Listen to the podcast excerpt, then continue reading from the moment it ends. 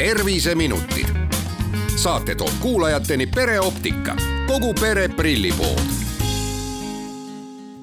tere, head Kuku raadio kuulajad, eetris on Terviseminutid ja kui tavaliselt kutsun mina endale külalised stuudiosse, siis täna on mind hoopis Solarise pereoptika prillipoodi kutsutud ja mind ootasid siin juba pereoptika juhatuse esimees Jaan Põrk. tere.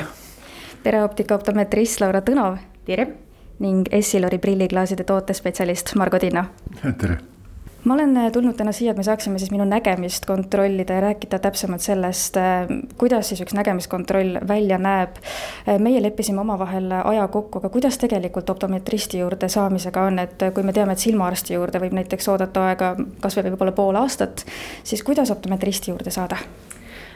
optometristi juurde aja saamiseks võib pöörduda lähimasse prillipoodi. kui on pakkuda kohe vabat aega, siis tegelikult saab ka nägemiskontrolli teostada kohe milliste nägemisprobleemide või küsimustega tuleks aga ennekõike siis just prillipoodi optometristi juurde tulla ja mis on siis silmaarsti pärusmaa? Äh, silmaarsti pärusmaa on silmahaigused äh, või kui on tõesti seal juhtunud mingisugused traumad, äh, väga kiire selline nägemise kadu. et see on pigem selline silmaarsti pärusmaa. kui on nägemine hägustunud aeglaselt, ähm, kui on prillid nõrgad, kui on tekkinud lähitööl mingisuguseid ähm, häireid kas siis pilt on näiteks topelt, on sellised silmaväsimused, ähm, peavalud punane silm, kuiv silm, siis võiks pöörduda optometristi poole Laura, me rääkisime ühes varasemas saates, et äh, nägemiskontrolli võib alati jagada kolmeks osaks. Äh, anamnees, objektiivne nägemise uuring äh, ning subjektiivne nägemise uuring. teeme need etapid siis kõik minu peal läbi, ma saan aru, et nüüd vahetame vist rollid ja sul on mulle küsimusi. just nimelt, ehk siis esimene nägemiskontrolli osa on alati anamnees. ehk siis anamnees tegelikult ongi selline väike küsimustik Äh, mis siis hõlmab näiteks kliendi vanust, hobisid, tööd, äh, probleeme, vanu prille, nende kontrolli ja nii edasi. et äh, kuidas muidu on, kas nägemisega on mingeid probleeme? vasak silm võib-olla näeb natukene kaugele uduselt, seda ma vist ütlesin ka eelmine kord, et see olukord on jäänud nagu justkui samaks, et midagi paremaks ega halvemaks ma ise tunnen, ei ole läinud. arvutiga tööd on palju ja võib-olla ma mäletan, üks väike selline mure mul on kohe, sellepärast et ma mäletan, et ühes saates me rääkisime, et nägemiskontrolli võiks tulla puhanud silmadega. ja mul oli täna väga raske öö, ma ei jäänud mitte kuidagi magama, ma vähklesin terve öö, nii et mul on silmad natuke väsinud, et kuidas see nüüd võib minu nägemist või nägemiskontrolli tulemusi mõjutada? Äh, natukene ikka, et mida väsinum see silm on, siis seda rohkem tavaliselt ta kas siis äh, plusstugevust või siis sellise äh, teistpidi just seda miinustugevust sinna silma ette tahab. küll aga vaatame selle nägemise siis üle täna väga hea, mis me esimesena teeme, ma näen, et siin on autorefraktomeeter, kas ma ütlesin selle õigesti täitsa õigesti. autorefraktomeeter oli siis see masin, mis mõõdab sellise üleüldise silmade tugevuse. Panen siis selle masina sulle ette pane oma lõug ja laup vastu, vaatame kuuma õhupalli. ja see pilt läheb sul vahepeal teravaks ja vahepeal uduseks kas äh, ma olen tähele pannud, et see kuuma õhu pall on äh, peaaegu alati nendes silmakontrollides, et miks just kuuma õhu pall? Äh, tegelikult ei ole väga vahet, mis pilti seal vaadatakse.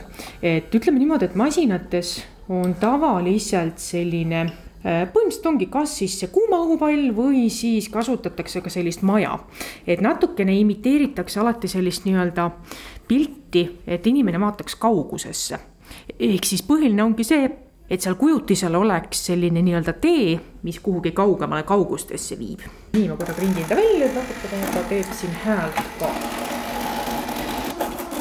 nii ehk siis autorefraktomeetri näite ei ole mitte kunagi selline silmade tugevus tegelikult. või nii-öelda siis prilli tugevus, ta on just see silma selline maksimaalne tugevus. Kas ma mäletan eelmisest äh, nägemiskontrollist, mida me tegime umbes kaks aastat tagasi siinsamas, et äh, see on tegelikult natukene nagu spikker äh, optometristile, et see ei ole veel selline, mil, mis näitab nüüd kogu selle info minu silmade kohta ära tegelikult nii ongi, ehk siis äh, eriti noorte puhul näiteks võib olla tegemist sellise varjatud hüperoopiaga ehk siis varjatud plussprilliga. mida tegelikult see masin otseselt ei näitagi.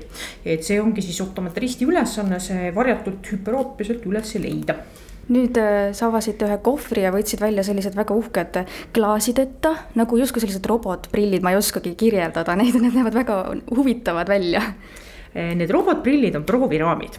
siin prooviraami peal on erinevaid numbreid, mis on silindri kraadid, siin on ka peal silmavahe, mida saab timmida.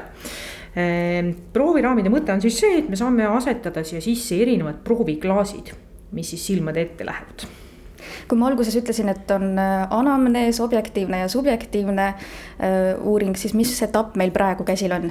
Äh, objektiivse uuringu alla käis meil ainult see autorefraktomeeter hetkel.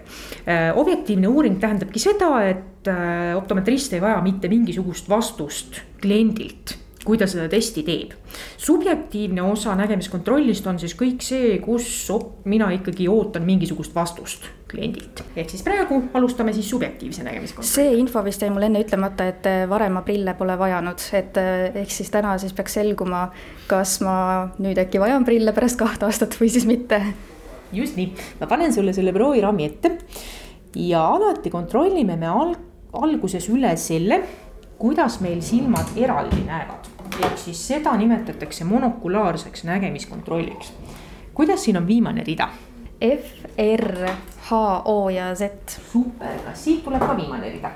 N, O, A, R ja Z kuigi nägemisteravus praegu siin on üks-kaks, mis tähendab sada kakskümmend protsenti nägemist, sellist suurepärast nägemist. siis noore inimesega on niimoodi, et alati tuleks seda silma ka lõdvestada. selleks kasutatakse sellist inglise keeles fogging tehniiki. ehk siis ma panen siia ette ühe klaasi, mis teeb selle nägemise täitsa uduseks mm. -hmm. Ja nii ta peabki olema. kas udusest praegu siit ülemisest reast mingeid tähti eristab?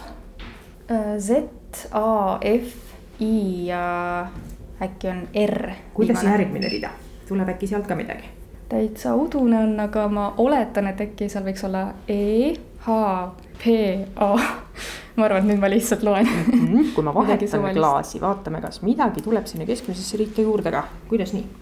Natukene kissitan silma, ma ei tea, kas tohib kissitada silma? ilma kissitamata mm,. esimest ma hästi ei tuvasta, äkki on E, Z, M, A, I mm. -hmm. ja kuidas, niimoodi. ahhaa, hoopis teised tähed olid mm.. O, Z, N, A ja see viimane on ikka, aa, T-täht. väga hästi. mulle meeldib see, et te vahepeal ütlete väga hästi, kuigi ma kujutan ette, et osad tähed on täiesti valed. Sellest, kui sa loed mingid tähed valesti mm, -hmm. sellest ma saangi eeldada seda, kas praegu sa reaalselt näed või mitte mm. -hmm. et kas ma valetan või kütt?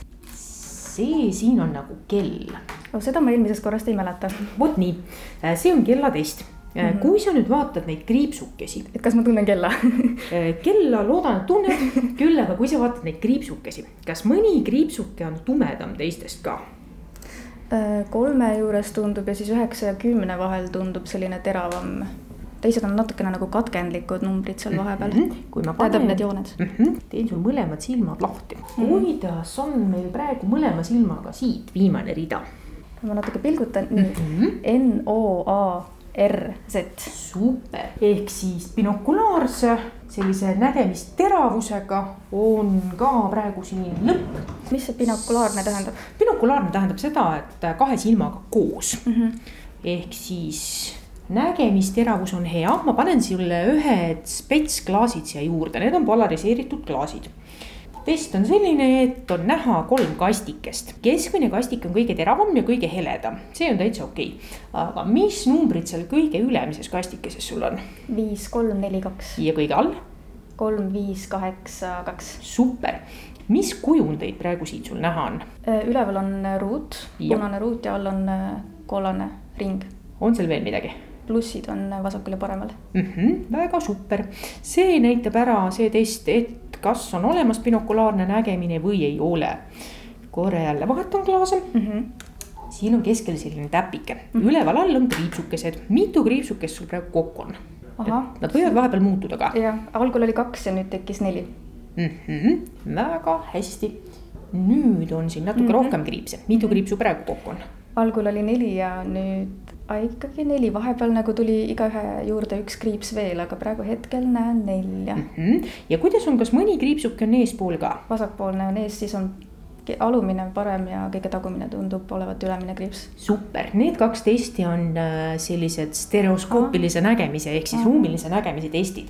ehk siis ruumilise nägemisega kõik täitsa korras mm. -hmm nüüd äh, nägemisteravus äh, silmadel on nii nagu eelmine kord ka natuke erinev mm, -hmm. et äh, nüüd täitsa oleneb sellest, et kas meil on tegemist selle tõesti selle magamatuse nii-öelda silmaväsimusega. aga tegelikult on niimoodi, et see parem silm natuke tahab sinna plussi praegu. vasak silm on ikkagi samasuguses väikeses miinuses. ehk siis, kui ei ole mingisuguseid lähitööl selliseid korralikke silmaväsimisi siis otseselt sinna parema silma ette praegu seda plussi panema ei pea. küll aga kui oleks selliseid korralikke, ma ei tea, peavalusid, silmade väsimust hästi palju töö juures, siis ma pigem isegi soovitaks selle plussi sinna ette panna Jaan, aga mis nüüd saab, kui tulemused on käes, oletame, et nende põhjal vajaksin ma prille, kas siis me astuksimegi noh, Lauraga siis kabinetist välja, kus on kohe siis suur valik erinevaid prille, valiksin endale sobivad raamid ja siis me tellime optometristiga need koos ära või, või kuidas see kõik käib?